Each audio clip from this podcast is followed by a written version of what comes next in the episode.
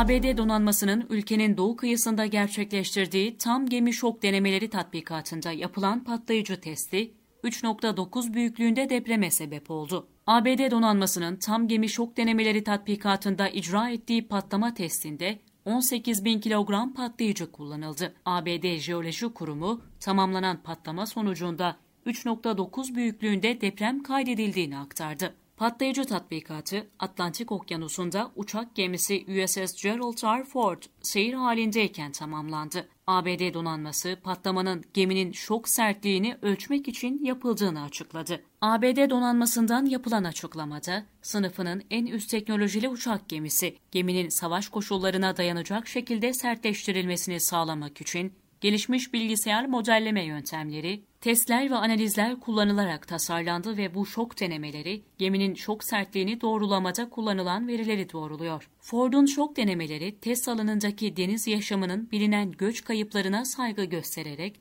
çevresel azaltma gerekliliklerine uygun bir program dahilinde yürütülüyor.